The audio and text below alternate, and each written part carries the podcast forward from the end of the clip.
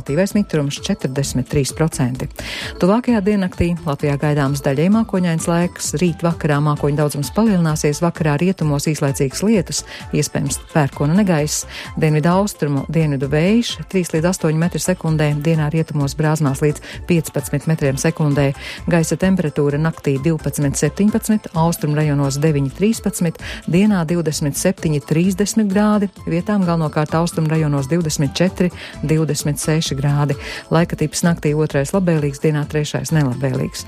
Trešdien daudz viet pa laikam lietus, vietām iespējams pērkona negaiss, gaisa temperatūra naktī 14, 17, dienā 19, 23 grādi, un ceturtdien bez ievērojumiem nokrišņiem dienvidrietumu dienvidu vējš, gaisa temperatūra naktī 11, 16, dienā 22, 27 grādi.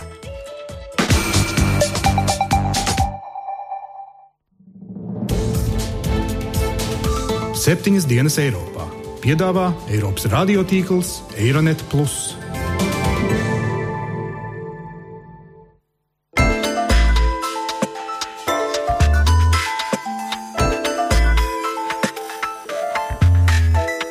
Šonadēļ septiņas dienas Eiropā dzirdēsim. Mēģis ir iegūt cilvēku prātus un sirdi. Komunikācija ir ne tikai vārdi, bet arī darbi.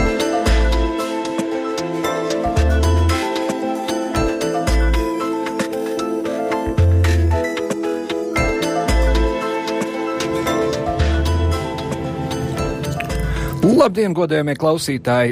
Atvainojos šodien Latvijas radio studijā Kārlis Streips. Sveicināti raidījumā septiņas dienas Eiropā. Tas ir raidījums, kur spriežam, kā nedēļas notikumi Eiropā un pasaulē var ietekmēt mūs tepat Latvijā.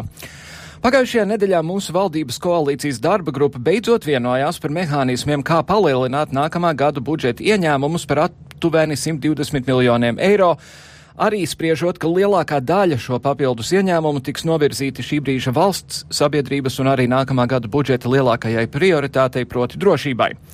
Tāpēc šodien raidījumā spriedīsim par to, kā mūsdienu konfliktos un kara darbībā informācija un komunikācija ir kļuvušas par būtisku sastāvdaļu. Kā teikts apvienoto nāciju organizācijas satversmes preambulā, karš sākas cilvēku prātos, tālāk turpat vajadzīgs arī aizstāvēt ideju par mieru. Toties vispirms uzklausīsim dažus viedokļus par to, vai tas, ka premjeras Aleksis Ciprs ir atkāpies no amata Grieķijā, ir solis pretī lielākai stabilitātei, vai arī ieviesīs Grieķijā vēl lielāku haosu.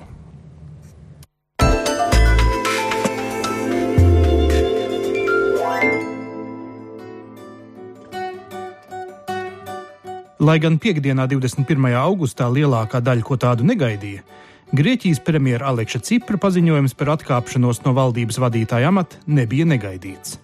Jau vairākas nedēļas tika runāts par to, ka Ciprs varētu atkāpties uzreiz pēc tam, kad tiks apstiprināta trešā finanšu palīdzības programma Grieķijai 86 miljardu eiro apmērā.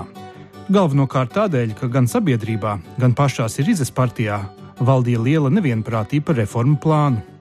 To apstiprināja pirms trim nedēļām, taču pašā partijā tas izraisīja dumpi. Lai gan daži bažījās, ka jaunās vēlēšanas jau tā nestabilo valsts ievedīs jaunā haosā, tā kā nauda jau ir sākusi ieplūst valsts kasē, lielākā daļa ekonomistu, kā arī Briseles amatpersonas uzskata, ka Cipra atkāpšanās un tam sekojošās vēlēšanas ekonomiku neiedragās. Viņu viedokli skaidro ekonomists Nikos Kaftas. Protams, katras vēlēšanas ir risks. Tomēr šajā gadījumā, ņemot vērā, ka 70 līdz 75% grieķu vēlas palikt Eirozonā, es domāju, ka nekādu lielu pārsteigumu nebūs. Ja valdībā tiks ievēlētas vēl pāris partijas, tas nozīmētu tālāku atbalstu darījumiem ar kreditoriem. Ekonomikai tas nāks par labu. Nauda no trešās glābšanas programmas varētu vien pārstāt ienākt, ja kreditori justu, ka Atēnas neturas pie iepriekš nospraustajiem solījumiem. Liela daļa ekspertu uzskata, ka tur arī slēpjas otrs galvenais iemesls, kādēļ Ciprs nolēma atkāpties. Visplašāk pārstāvētais viedoklis ir, ka Ciprs, izsludinot vēlēšanas, cer pavērt ceļu paša pārstāvētais Sirizas partijai iegūt lielāku teikšanu parlamentā. Ciprs atkāpās no premjerministra amata, taču joprojām paliek partijas Sirizas vadītājs. Tiesa tagad partija ir mazāka, jo vairāk viņa iepriekšējie sabiedrotie ir nolēmuši veidot jaunu partiju. Daži eksperti gan uzsver, ka tas bija tieši tas, ko Cipras vēlējās. Jo oktobrī ir gaidāms glābšanas programmas pārskats, un tieši līdz tam laikam Cipram vajadzētu tikt vaļā no viņam nelojāliem partijas biedriem. Lai gan amatpersonas ir sacījušas, ka plāno vēlēšanas rīkot 20. septembrī, ja politiķi no citām partijām sāks cīņu par varu, vēlēšana datums varētu būt arī vēlāks. Grieķijas vadošās opozīcijas partijas ir sacījušas, ka centīsies novērst vēlēšanas, izveidot jaunu valdību. Pēc saskaņā ar Grieķijas likumdošanu trim lielākajām partijām tiek dotas trīs dienas laika, lai mēģinātu izveidot jaunu koalīciju. Tā kā pagaidām nekādu panākumu šajā jomā nav, atliek vien gaidīt vēlēšanas. Tad arī būs skaidrs, vai Cipras iegūs mandātu turpināt iesāktās reformas, vai iestāsies vēl lielāka uzticības krīze. Uzrunā tautai pats Aleksis Ciprs savu lēmumu skaidroja šādi. Mandāts, ko es saņēmu 25. janvārī, ir izsmēlis savas robežas. Tādēļ tagad cilvēkiem ir jālem pa jaunu. Grieķu prese norāda, ka Cipras skatījumā jauns mandāts nozīmēs jaunu sabiedrības uzticību viņa iesāktajām reformām un rīcības brīvību sākt nepopulāro taupības pasākumu īstenošanu, ko pieprasa Startautiskās finansiālās palīdzības programma. Vācijas un Amerikas uzņēmēju sadarbības projekts ziņu portāls Politico ziņo, ka dēļ konflikta eskalācijas starp Ukrainas spēkiem un Krievijas atbalstītajiem separatistiem Donetskas apkaimē šodien Berlīnē Vācijas kanclere Merkele un Francijas prezidents Olands tiekas ar Ukrainas prezidentu Porošenko, lai spriestu, kā vēl var saglābt Minskas pamiera vienošanos. Vācu laikraksts Dīcait stāsta, ka Krievijas ārlietu ministrs Sergejs Lavrovs ir publiski izteicis bāžas, ka pieaugošās apšaudes ir priekšspēle jaunai Ukrainas spēku ofensīvai. Savukārt Ukrainā izskanējušas prognozes, ka tieši pro-krieviskie separātisti varētu izvēlēties šodienu, 24. augustu, lai uzsāktu jaunu ofensīvu, tādējādi atzīmējot Ukrainas valsts svētkus, kad tika pats sludināta neatkarība no Padomju Savienības. Tikmēr Krievijas valsts atbalstītais ziņu portāls Sputnik International citē Kijevas politisko un konfliktu studija centra direktoru Mihailu Pogrebinski. Viņš apgalvo, citēju, Porošenko nevarēs izpildīt Minskas pamiera prasības, jo nespēja saglabāt kontroli pār situāciju Donbasā, un tālāk Kijeva šobrīd aiz izmisuma gatavo nopietnu militāru kampaņu. Citāts beidzas. Ņemot vērā to, ka Putins nepiedalījās attiecīgajā sanāksmē, Pogrebinskis uzskata, ka Porošenko ir kļuvis par Merkeles un Olanda sāpju bērnu, un rietumu līderu uzdevums ir, atkal citēju, apturēt Porošenko un vest viņu pie prāta. Vairāk par ziņu faktu un patiesības sagrozīšanu dažādu mērķu vārdā mana kolēģe Jāņa Kropa sižetā.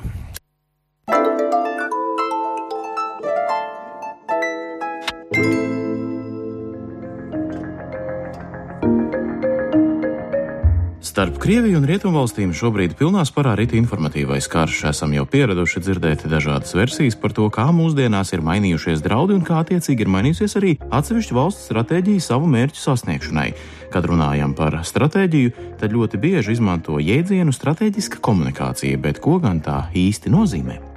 Stratēģiskā komunikācija nav negatīvs nokrāsas jēdziens. Piemēram, tā var piemist kādam privātam uzņēmumam, kura vadība ir nolēmusi, ka mērķiecīgi varētu uzrunāt savu uzņēmumu mērķa auditoriju. Savukārt valstu līmenī stratēģiskā komunikācija ir ļoti tuva tādiem jēdzieniem kā publiskā diplomātija vai uztveres menedžments. Tā ir mērķiecīga informatīva kampaņa vai uzvedība, lai censtos uzrunāt cilvēku prātus, kas patiesībā nozīmē sasniegt savus politiskos mērķus. Nacionālās aizsardzības akadēmijas drošības un strateģiskās pētniecības centra vadošā pētniece Ieva Bērziņa skaidro, kā tad valstis var censties sasniegt savus mērķus. Lielās līnijās ir divi varianti. Vai nu ir fiziska ietekmēšana ar militāru spēku vai ar kaut kādu vardarbības pielietojumu iekšpolitiski, un otrs variants ir ar pārliecināšanu. Un faktiski pēdējo desmitgažu pieredze rāda, ka daudz efektīvāk ir to izdarīt ar pārliecināšanu. Un tas tiesa gan attiec ne tikai uz militāro jomu, bet arī iekšpolitiski un tāpat arī ārpolitiski. Un savukārt tas otrs vārds strateģiskā, tas attiecās uz to, ka, ka ņemot vērā šīs te informatīvās dimensijas nozīmi, komunikācija tā nebūtu nav tikai kaut kāda atbalsta funkcija, bet faktiski tas ir strateģiskās vadības instruments. Respektīvi, tas nozīmē to, ka komunikācija ir jāplāno strateģiskā līmenī līdztekus citām visām darbībām un aktivitātēm. Un vēl viens svarīgi nians arī šeit, protams, ir svarīgi paturēt prātā, ka šajā te mediju vidē un ļoti informatīvi piesātinātajā vidē, kādā mēs esam, tad, protams, komunikācija ir ne tikai vārdi, bet arī darbi.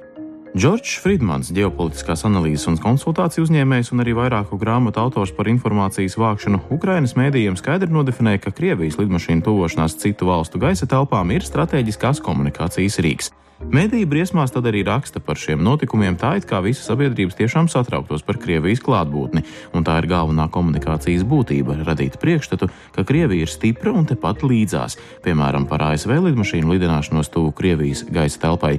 Kaimiņu zemes medijos kaut kā lasīt nesenāk, un tas ir tāpēc, ka Krievijai nav vajadzība atzīt arī ASV spēku, klātbūtni un strateģisko komunikāciju. Starptautisko pētījumu centrs jau vasaras sākumā publicēja apjomīgu pētījumu par Krievijas propagandu Latvijā. Veidi, kā uzrunāt sabiedrību ar sev vēlamo informāciju, ir vairāki.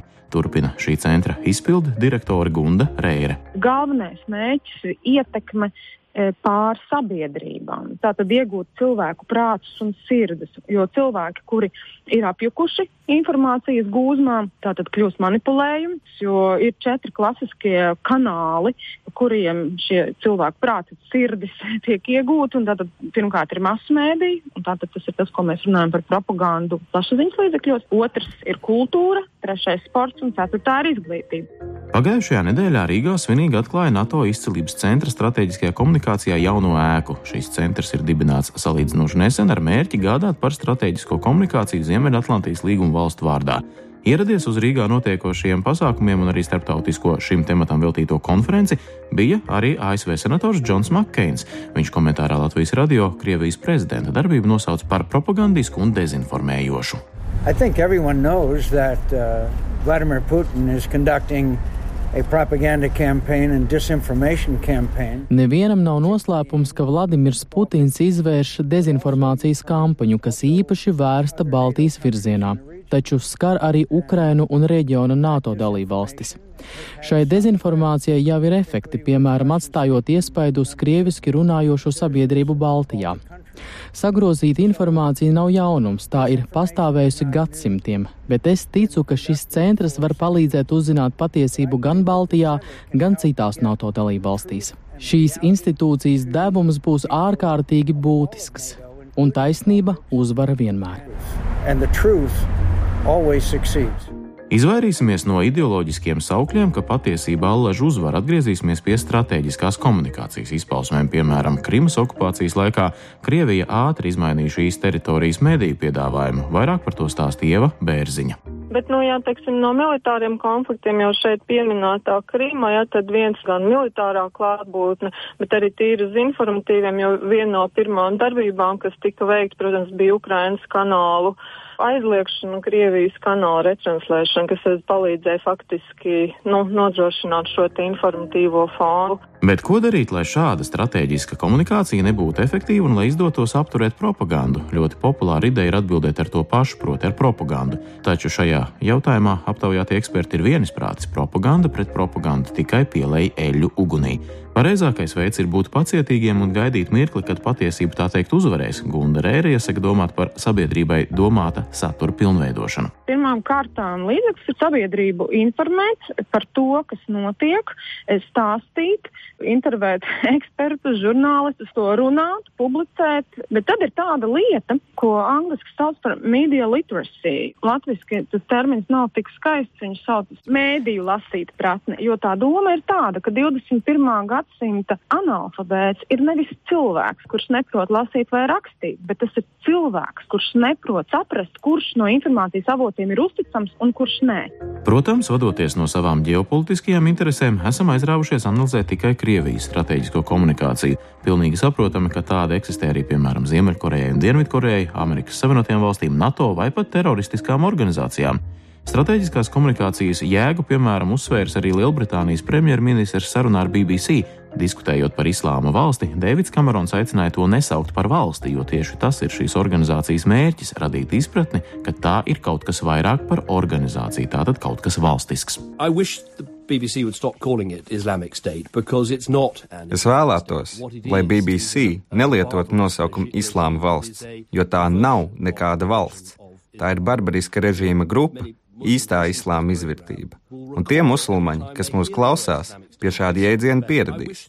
Saīsinājums ISIL būtu labāks risinājums. Mēdz teikt, ka ideoloģiskas vai grūti saprotamas lietas ir gluži tas pats, kas pieneglot žēlēju pie sienas. Rīgā esošajam NATO izcilības centram viennozīmīgi nāksies atrast atbildes, kā to izdarīt. Tikmēr tai daļai sabiedrības, kas satraucas par vēsturē piedzīvoto uzbrukumu atkārtošanos, Laikam labāk tomēr atcerēties, ka mūsdienās vairs nav jēgas okupēt kādu Eiropas Savienības valsti fiziski, ja kontrolējot tās iedzīvotāju prātus, var iegūt krietni vairāk. Tieši tāpēc vietā ir aicinājums būt kritiskiem un domāt divreiz pirms pirkt kādu sazvērestības teoriju grāmatu vai ticēt nepārbaudītiem informācijas avotiem. Paldies Jānim Kropam. Tikko konferencē Rīgā pulcējās strateģiskās komunikācijas diždomātāji, lai spriestu, kā tieši strateģiskā komunikācija var stiprināt NATO aizsardzības spējas informācijas laikmetā, kāpēc tieši strateģiskā komunikācija šobrīd ir tik aktuāla un vai konfliktu būtība ir mainījusies. Uz sarunu studijā par komunikācijas nozīmi globālajā sabiedrībā un mūsdienu konfliktu jaunajiem draudiem un izaicinājumiem esam aicinājuši NATO strateģiskās komunikācijas izcilības centra topošo direktoru Jāni Sārtu. Labdien! Labdien! Un žurnāli ir komentētāju Aivaru Ozoliņu. Labdien! Labdien. Sāksim sākt, kungs, ar, ar jums. Kā, kā jūsuprāt, kādi bija rezultāti tai konferencē? Jo tur gan skanēja balsis, ka vajag palielināt NATO klātbūtni, gan arī sprieda par to, kādi, kāds ir šis hibrīd karš. Kā, kāds ir rezultāts jūsuprāt? Manuprāt, rezultāts ir labs tādā ziņā, ka mm, tika prezentēta vesela virkne pētījumu un pētījumu tēmas, par kurām centrs ir veicis darbu pagājušā gadā. Principā bija arī skaidrs iezīmes, kuras no šīm tēmām varētu tikt virzītas tālāk, tādā ziņā pielietotas dzīvē tie secinājumi, kas ir nākuši no šiem pētījumiem. Manuprāt, divi tie interesantākie ir par Krieviju, tā izskaitā to, kādā veidā viņa Uh, ir uh, Ukrainas uh, konflikta laikā izmantojis savu propagandu, savu mērķu uh, veicināšanai, un otrs interesantais uh, pētījuma virziens ir uh, šis Uh, un viņu, uh, teiksim tā, sociālo mēdīju propagandu un veids, kādā viņi ir spējuši piekļūt šīm te rietumu auditorijām un rekrutēt diezgan ievērojumu skaitu savu cīnītāju no rietumu valstu iedzīvotāju puses. Tā skaitā arī no Latvijas. Jau arī no Latvijas, un, un, un šeit bija vesela virkni, manuprāt, ļoti interesanti inovatīvu pētījumu, kurus var jau tālāk uh, izmantot jau praktiskā darbā, kādā veidā ar šīm te parādībām cīnīties. Tas ir viens efekts, un otrs, protams, ir tas, ka principā plašākā sabiedrībā Eiropā nu, kļūst eh, arvien patpazīstamāk šis uh, ekscelences centra uh, vārds, darbs. Un līdz ar to mums būs arī vieglāk, es domāju, šī pamata arī savus secinājumus virzīt gan uz NATO uh, padomi, gan, gan citās institūcijās, jo, protams, centrs pats jau neveic to operacionālo darbību. Centrs ir, lai radītu priekšlikumus, kā to uzlabot. Un kas tajā lietā ir svarīgāks - zinātniskā akadēmiskais virziens vai politiskais virziens? Nu, nav jau jēgas no pētījuma, ja viņam nav praktiski pielietojumi. Un, principā, viss tas, ko mēs šajā centrā pētnieciskajā daļā darām, ir vērtīgs tik tālu, cik to var ņemt pēc tam. Uh, varētu teikt, apbruņojumā gan NATO vadība, gan NATO valstu vadība. Un tur ir vēl zināms darbs darāms, jo cilvēki bieži vien nesaprot to, cik kompleks ir šī um, joma, ka nevar vienkārši caur tādu tīru sabiedrisko attiecību pieeju uh, cīnīties ar to, ko veids pretējā puse, kas ir propaganda. Tev jābūt daudz plašākai izpratnē par to, uh, kādi instrumenti var tikt izmantoti un ka ne tikai uh, preses relīze, bet arī rīcība ir daļa no tavas komunikācijas pret uh, šādu pretinieku. Un, mm. un tā ir pietiekami kompleksa vide, un ja uh, vad, vadītāji šo nesaprot, ir ļoti grūti, teiksim, tīri operacionālā līmenī tikai, tikai to izdarīt. Līdz ar to tur jāsāk no, no politiskās vadības līdz pat uh, militārai vadībai, līdz pat praktiķiem, kas to dara operāciju uh, reģionos. Mm -hmm. Aivar, kā tu skaties uz konferenci un uz centra nākotni? Um, varētu piekrist Sārta kungam, ka ne jau preses relīzes ir tas cīņas ierocis, kas varētu būt un pirmkārt un galvenokārt uh, šajā karā, kas jāsauc īstajā vārdā, tas ir karš, kurā informācija ir viens no ieroču veidiem. Uh, martā Krievijas aizsardzības ministrs atklātā tekstā nosauc uh, to par, um, par mēdījus par vienu no Krievijas bruņoto spēku ieroču šķirām. Nu, tad uh, tad, tad uh, es domāju, centra uzdevums būtu nevis atspēkot kaut kādus atsevišķus propagandas izdomājumus vai melus, ko es tā saprotu, centrs arī netaisās darīt, bet gan uh, mēģināt iedot, uh, koordinēt, teiksim tā, ne tikai sabiedrisko attiecību, bet vispār arī dot padomus politiķiem, kādā veidā parādīt pašu galveno, ka šis ir karš, kurā mediju informācija ir vienkārši Krievijas ierocis. Un tāpēc eh, tā, tā darbība pirmkārt un galvenokārt, es domāju, būtu vēršama uz pašu sabiedrībām, uz pašu NATO, uz pašu rietumu valstu um, sabiedrībām, palīdzot tām saprast, ka, mēs, ka mums nav darīšana te ar kaut kādu brīvo presi, kurā ir divi viedokļi un kaut kur patiesība pa vidu. Nu, nav tā. Nav nekādas patiesības pa vidu starp meliem un faktiem. Tur nav patiesības pa vidu. Ir, ir svarīgi atspēkot atsevišķus melus, lai pierādītu, ka kopējo ainu, ka Krievija izmanto to kā ieroci vienkārši. Man šeit salīdzinājumi Viens svarīgs notikums līdzās šai konferencei pagājušās nedēļas nogalē man šķiet bija ļoti zīmīgs, kam bija mazāk, kam bija pievērsta mediju uzmanība, bet mazāk pievērsta ir konflikts sāsinājums starp Ziemeļkoreju un Dienvidkoreju. Abas valstis nonāca uz kara stāvokļa. Mēs zinām, kāpēc. Tāpēc, ka Dienvidkoreja pēc vairāk gadu pārtraukuma ieslēdza savus skaļruņus uz robežas, lai raidītu informāciju Dienvidkorejiešiem. Un rezultātā Ziemeļkoreja izsludināja kara stāvokli. Mēs redzam, mēs redzam, cik svarīga pirmkārt šī informācija, informācija ir šādās, šādos dažādos konfliktos. Ne tikai Ukrainā, ne tikai uh, tuvajos austrumos, bet nu, redzam arī tur. Bet otrs, kas svarīgākais, kam man šķiet šajā gadījumā būtu jāpievērš uzmanība, ka, ka tas, ko dara Krievija, pašlaik ar informāciju nav tas, ko dara Ziemeļkoreja un ko darīja Padomu Savienība, ka nevajadzētu to saukt par otru uh, jauno augsto karu vai informācijas karu tādā izpratnē, kādā tas bija starp Padomu bloku un Rietumu bloku tajos padomu laikos. Uh, jo Ziemeļkorejiešiem, tāpat kā padomu komunistiem, viņiem tomēr rūp, lai viņam notic. Viņam ir svarīgi nobloķēt faktus, objektīvu informāciju, kas nāk no ārpuses, un, pa, un pa, likt savai, pirmkārt, savai sabiedrībai noticēt, ka viņi dzīvo komunistu paradīzē. Putina režīmam tas vairs nav svarīgi. Putina režīmam vairs nav svarīgi, lai viņu meliem kāds patiešām, not, patiešām notic.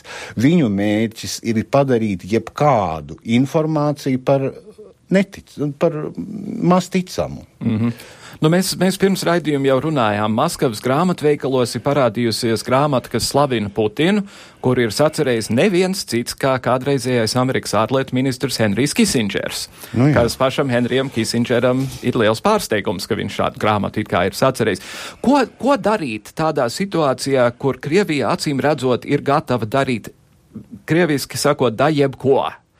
Melot un melot vēl vairāk un melot vēl vairāk, jo, kā jūs teicāt, Sārtkungs, ir dzirdīgas ausis šādām muļķībām arī pie mums. Jā, protams, ir dzirdīgas ausis arī pie mums. Pamata jautājums, protams, ir, ja šīs balss, šie, šīs ausis ir pie mums, kāpēc viņas ir gatavs šo te dzirdēt, ja nu, teiksim, cilvēkam ar kritisku domāšanu ir pieejamiem vesela virkni avotiem. Uh, viņš ir izvēlējies noticēt uh, pilnīgi un galīgi šai informācijai. Es teiktu, tas cilvēks ir kādu laiku dzīvojis kaut kādā informācijas vidē, zem kura hipnozes viņš atrodas. Uh, teiksim, tālāk uz rietumiem tad jau parādās interešu grupas, kas uh, kaut kāda īstermiņa mērķu vārdā ir gatavs, teiksim, neteiksim noticēt, bet izlikties, ka viņi notic šim, lai panāktu kaut kādas savus šaurus mērķus kaut kādā konkrētā vidē. Par, eh, par Krieviju kā tādu, es domāju, nu, tas lēnām iet uz to, ka tiek radīta alternatīva realitāte, kurā Krievija dzīvo. Un um, ko ar to darīt? Uh, nu, es domāju, pamatā, pamatmērķis ir uh, strādāt ar uh, tām auditorijām, kas ir pie mums un, un rietumos, lai būtu skaidrs, ka šī Krievijas propagandas ietekme nenāk mūsu virzienā, jeb nepadziļinās. Tur ir vesela virkne mehānismu, ir kaut kādi ātrie mehānismi, kas palīdz parādīt objektīvo patiesību, tādējādi sagraujot šo viņu informācijas plūsmas ticamību. Uh, Um, otrs ir uh, veicināt uh, alternatīvas uh, informācijas pieejamību tiem, kas ir zem šīs hipnozes. Uh, un, protams, ir arī jautājumi tīpaši atsevišķās reģionās, tā skaitā tas ir Baltijas valsts par, nu, teiksim, kaut kādu kri kritiskās domāšanas, uh, jeb tā saucamā mēdīju ap, mm, analizēt prasmes, uh, teiksim, ielikšanu varbūt jau kaut kādās skolas uh, solā, bet uh, attiecībā uz Krieviju šādu ātru atbilžu nav. Protams, tas, kas manuprāt ir nu, teiksim, izmantojams, ir šī te, uh, šķautne un, un starp to, kā Krievija um, portretē to dzīvi Krievijā, iepratim tām reālijām, ar ko cilvēki ikdienā saskarās. Tātad korupcija, uh, teiksim, zems dzīves līmenis, sociāli diezgan sarežģīta situācija. Un šīs ir tās vietas, kurā agrāk vai vēlāk šī prie, Krievijas alternatīvā realitāte uzkries uz klintīm. Jo tu nevari, tā kā mēs atceramies Padomju Savienībā, mū, mūžīgi dzīvot šajā izprat, šajā, nu, teiksim, ražotajā realitātei, kur viss ir skaisti, forši, Krievija baigi spēcīga valsts, visi viņu mīl un ciena un, un nav labāks vietas, kur dzīvot iepratim tam, kad uz ielas tu iznāc laukā un redz pilnīgi citu kādu laiku, varbūt tas strādā un varbūt pat cilvēki apzināti grib ticēt tam. Jo nu, tas viņus padara tādus ražīgākus un varonākus, ir īpaši nu, tā, tās sociālās grupas, kam citādi pilnīgi dzīvē nav perspektīva. Bet kaut kādā mirklī tas uh, rada atsitienu. Mm -hmm. Aivar, ja mēs runājam par mūsu tā dēvētajiem krievvalodīgajiem, cik reāli ir tas, ko Sārtkungs tagad stāst? Jo par to ir daudz runāts. Ir radio Latvija 4, Latvijas televīzija 7. kanālā ir šādi tādi, šādi tādi raidījumi. Ir runa par to, ka varbūt vajadzētu atsevišķu kanālu, bet acīm redzot, šie cilvēki cilvēki nav sasniegti. Ja mums ir viena ievērojama daļa cilvēku, kuri atbalsta to, kas, ko Krievija dara Ukrainā, piedāvām viņus pārstāvošā partija saskaņa ir ieņēmusi pozīciju, mēs paši tur neesam bijuši un līdz ar to mēs nezinām, kas tur īsti notiek. Bet tas nav jautājums tikai par krievalodīgajiem vai par kaut kādiem citiem, cit, citādi valodīgajiem. Tas ir ticības jautājums par cilvēkiem, kuri gatavi noticēt. Uh, noticēt jebkam. Viņi var noticēt Krievu propagandai, viņi var noticēt latviešu propagandai, viņiem ir ērti, viņiem ir ērta sajūta, kad kāds viņu vietā pasaka, kā pasaule ir iekārtota. Un es domāju, tas ir tikai blakus produkts, pret, uh, kurš būtu jāņem vērā. Viss, ko Sārta kungs teica, ir ļoti svarīgi, bet koncentrēties tikai uz tiem cilvēkiem, kuri notic kādai propagandai, man šeit nebūtu pareizi. Jo, principā, tas jau nav arī Krievijas uh, propagandas pašreizējās propagandas propagandas mēģis, kādā ziņā tā atšķirās no padomu propagandas, ka tiešām mēģis bija pārliecināt cilvēkus. Pašlaik mēģis ir pārliecināt nevis uh, par to, ka tas, ko viņi saka, ir patiesība. Tieši otrādi - pārliecināt par to, ka tas, ko viņi saka, ir tāda pati nepatiesība, kā tas, ko saka jebkurš politiķis vai mēdījis rietumos. Mm -hmm. Pārliecināt cilvēkus neticēt nekam, kas notiek. Man šeit um, Pēterim Pomerancevam ļoti labs grāmatas nosaukums. Pomeranцevs strādāja pats vairākus gadus Krievijas šajā mēdīju fabrikā un tad aizbrauca Londonu un uzrakstīja grāmatu, kā tas darbojas. Viņam brīnišķīgs grāmatas nosaukums. Um, um, nekas nav īsts un viss ir iespējams. Tas ir tas, ko Putina režīms mēģina radīt Eiropā, rietumu sabiedrībā. Neticēt nekam, viss ir iespējams, viss ir meli, Viss var būt meli tikpat ļoti kā, kā patiesība.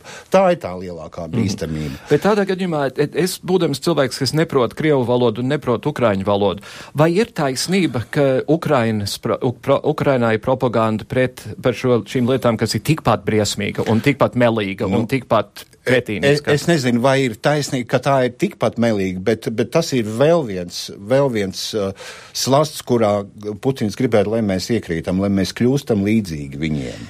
Jā, lai, bet... lai mēs sākam aizliegt, lai mēs sākam cenzēt, lai mēs sākam ideoloģiski vērtēt uh, ziņas, amatus, politiskus lēmumus, jebko, lai viss ir, nu, lai mēs esam tādi paši mm -hmm. kā viņi. Bet, bet tur jau tā lieta, ka, manuprāt, uh, viņš šeit uh, pārēķinās, jo tu nevari uh, rīkoties šādā propagandistiskā veidā un vienlaicīgi saglabāt savas vērtības, ar ko mēs principā atšķiramies, ar ko mēs esam rietumu pasauli iepretim, teiksim, Krievijai.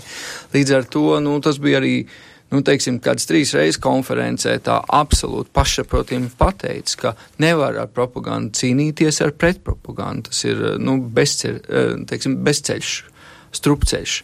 Eh, bet es gribēju vēl vienu piezīmi pateikt par krievalodīgiem. Eh, es domāju, nepareizi, un tas principā strādā uz otrām dzirnām, ka mēs sakām, krievalodīgi skatās un tic uh, Krievijas propagandai. Nu, tas ir uzreiz savā ziņā viņas ielikt vienā tādā kopīgā grupā, un, un, un tās grupas, kas nebūtu, netic, kas ir gatavi, tā teikt, skatīties uz alternatīviem, teiksim, informācijas avotiem, mēs viņus tā kā pagrūžam, nē, nē, nu jūs jau tur tāpatās neko nesaprotat, jūs klausieties Krievijai. Nav krievalodīgie viendabīga masa. Ir cilvēki, kas ir nohipnotizēti, ir gan krievalodīgie, gan latvieši, kas ir nohipnotizēti un skatās šo un tic. Un ir cilvēki, kur netic nevienam, ne otram. Ne tam, ko stāstām mēs, kā Latvija, ne tam, ko Krievija. Un ir tādi, nu, kas tā sliecās uz tām eiropeiskām vērtībām, un ar katru no šīm grupām ir nu, pilnīgi dažāds darbs, bet nepareizais ir sākuma punkts, ka mēs uzreiz viņiem visiem uzliekam vienu uh, tādu birku virsū, ka jūs visi esat tur. Un tas, principā, ir pirmais darbs uz to, ka mēs šķeļam to mūsu sabiedrību, uz ko arī šī visa informācijas karš arī barojās. Jā, jums ir taisnība, tā es to nedomāju. Es to lietoju tādā, tādā simboliskā, simboliskā nozīmē. Mums laiks iet uz beigām pāris uh, ātru jautājumu vēl. Aivar, uh, cik reāli, tavuprāt, ir paplašināt NATO klātbūtni šeit Latvijā un ko tas nozīmētu? Jo prezidents Vējons teica, ka par to vajadzētu runāt.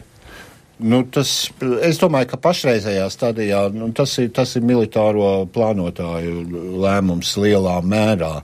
Uh, ja mēs atceramies, tad pirmais, kurš vispār pēc Ukrainas krīzes sākuma publiski izteicās par to, ka NATO klātbūtni ba Baltijas valstīs ir jārestruktūrizē, bija Filips Brīdlaus, uh, Eiropas spēku kom NATO komandieris. Viņš to publiski pateica Briseles konferencē mhm. pagājušā mm -hmm. gada pavasarī. Uh, un tikai tad politiķi sāk to runāt. Es domāju, ka Sārta kungs man droši vien piekritīs, ka militārajiem analītiķiem ir ļoti realistisks priekšstats par to, kas šeit ir vajadzīgs vēl un kas būtu uh, jāpapildina vai citādi jāveido. Protams, tad ir svarīgi, ka, ka politiķi, kā prezidents Vējons vai citi politiķi sāk par to runāt, ka tas tiešām ir jāizdara, jo mm -hmm. lēmums gal galā pieņem viņi. Bet es neņemšos tagad uh, militāro analītiķu vietā spriest, cik tieši lidmašīnas vai tankus vai karavīrus šeit vajadzētu. Nu jā.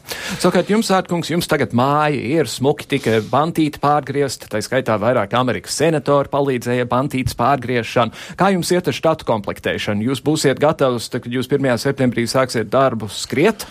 Ne, nu, mēs jau redzējām, uh, konferencē ir vesela virkni pētījumu, kas ir mazo štatu paveikti. Uh, cilvēki ir daudz strādājuši arī iepriekšējā gada laikā. Nu, māja tas vairāk tāds simbols. Mēs strādājam. Un pārvācoties jaunajām telpām, protams, to darīsim vēl vairāk un būs vēl vairāk pētījumu, bet nu, mēs sagaidām arvien jaunus cilvēkus no dažādām NATO valstīm, kas mums pievienojās, un tas arī paplašina to redzeslauku, kādā veidā mēs varam apskatīties uz problēmu un arī pētīt viņus un arī mācīt citus. Jā, tas ir svarīgi. Tas tie nebūs tikai latvieši. Nē, nē, tur principā es domāju, gala beigās būs vairāk dažādi citi NATO valstu un NATO partneru valstu uh, darbinieki nekā latvieši. Latviešiem pamatā mums uh, lielākā daļa nodarbojas ar uh, uzņēmēju valsts atbalstu nodrošināšanu, tādām praktiskām lietām, nu, kur mēs tad, kur ārzemnieks nevarētu gluži tā teikt ar to tikt galā. Mm -hmm. Un darba valoda English. Nu, tā ir NATO struktūra. NATO struktūrās principā ir divas oficiālas uh, valodas uh, - angļu un franču. Nu, kā jau pieņemts NATO, mēs tomēr pamatā izmantojam angļu valodu. Nu jā. Un pēdīgi, es pieņemu, ka šī nav pēdējā reize, kad es jūs intervēšu. Pēc 1. septembra jūs droši vien būsiet viens no tiem cilvēkiem, kurš zinās ļoti, ļoti, ļoti, ļoti, ļoti daudz vairāk nekā jūs varat intervijās stāstīt. Nē, nu, es nedomāju. Arī iepriekšējais darbs bieži vien bija šādā pat situācijā, kad uh, es zināju varbūt nedaudz vairāk nekā man uh, es drīkstēju publiski runāt. Kā, nu, bet eh, šajā jomā varbūt nu, tas nebūs tā, ka būs šausmīgi daudz slepenu un drusku kaut kas uh, publiski runājams. Es domāju, pētījumu joma noteikti ir tā, kur lielāko daļu mēs publiski runāsim un arī stāstīsim. Labi. Sirsnīgs paldies Jānis Sārts un Aibars Ozoliņš. Paldies jums abiem par sarunu. Paldies. Zengrieķu filozofs Aristoteles uzskatīja, ka demokrātijā nabagajiem būs vairāk varas nekā bagātajiem, jo viņu ir vairāk un vairākuma viedoklis vienmēr būs noteicošs. Mēs septiņas dienas Eiropā dikti gribētu zināt, ko Aristoteles teiktu par to, kas pat labam notiek Grieķijā. Atklāt NATO Stratkom izcilības centra Latvijā bija ieradusies arī delegācija no ASV Senāta. Viņus intervējot, senatora Sheldona Vaitaus teiktajā, izkristalizējās viena ļoti būtiska doma.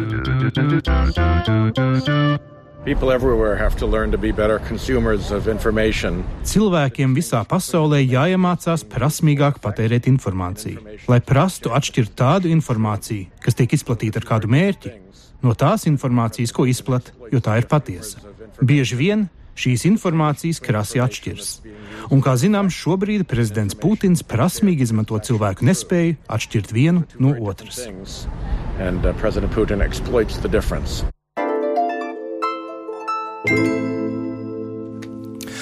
Ar to arī izskan septiņas dienas Eiropā šonadēļ. Paldies, dāmas un kungi, ka klausījāties. Nu, dien pat laban ir svarīgi. Svarīgāk varbūt nekā jebkad. Visā tajā milzīgajā informācijas gūzmā, kāda ir mūsu rīcībā, internetā mēs varam atrast visu, ko, un tad vēl drusciņi vairāk, šķirot starp graudiem un sēnalām, domāt par to, kas ir patiesība, jo, kā teica Aivars Ozoliņš, patiesība ir vienmēr faktiska, meli vienmēr ir nepatiesi. Vēlēsim veiksmes NATO izcilības centram, ejot prom, Aivars Ozoliņš teica, ka pirmais, kas ir jādara, ir jāizstrādā laba mājaslapa, jo pat labam tajā esot jaunākā ziņa ir tā, ka vēl tiks rīkota konferences, kas bija pirms četrām dienām, lai viņiem veicas. Līdz nākamajai nedēļai. Visu labu!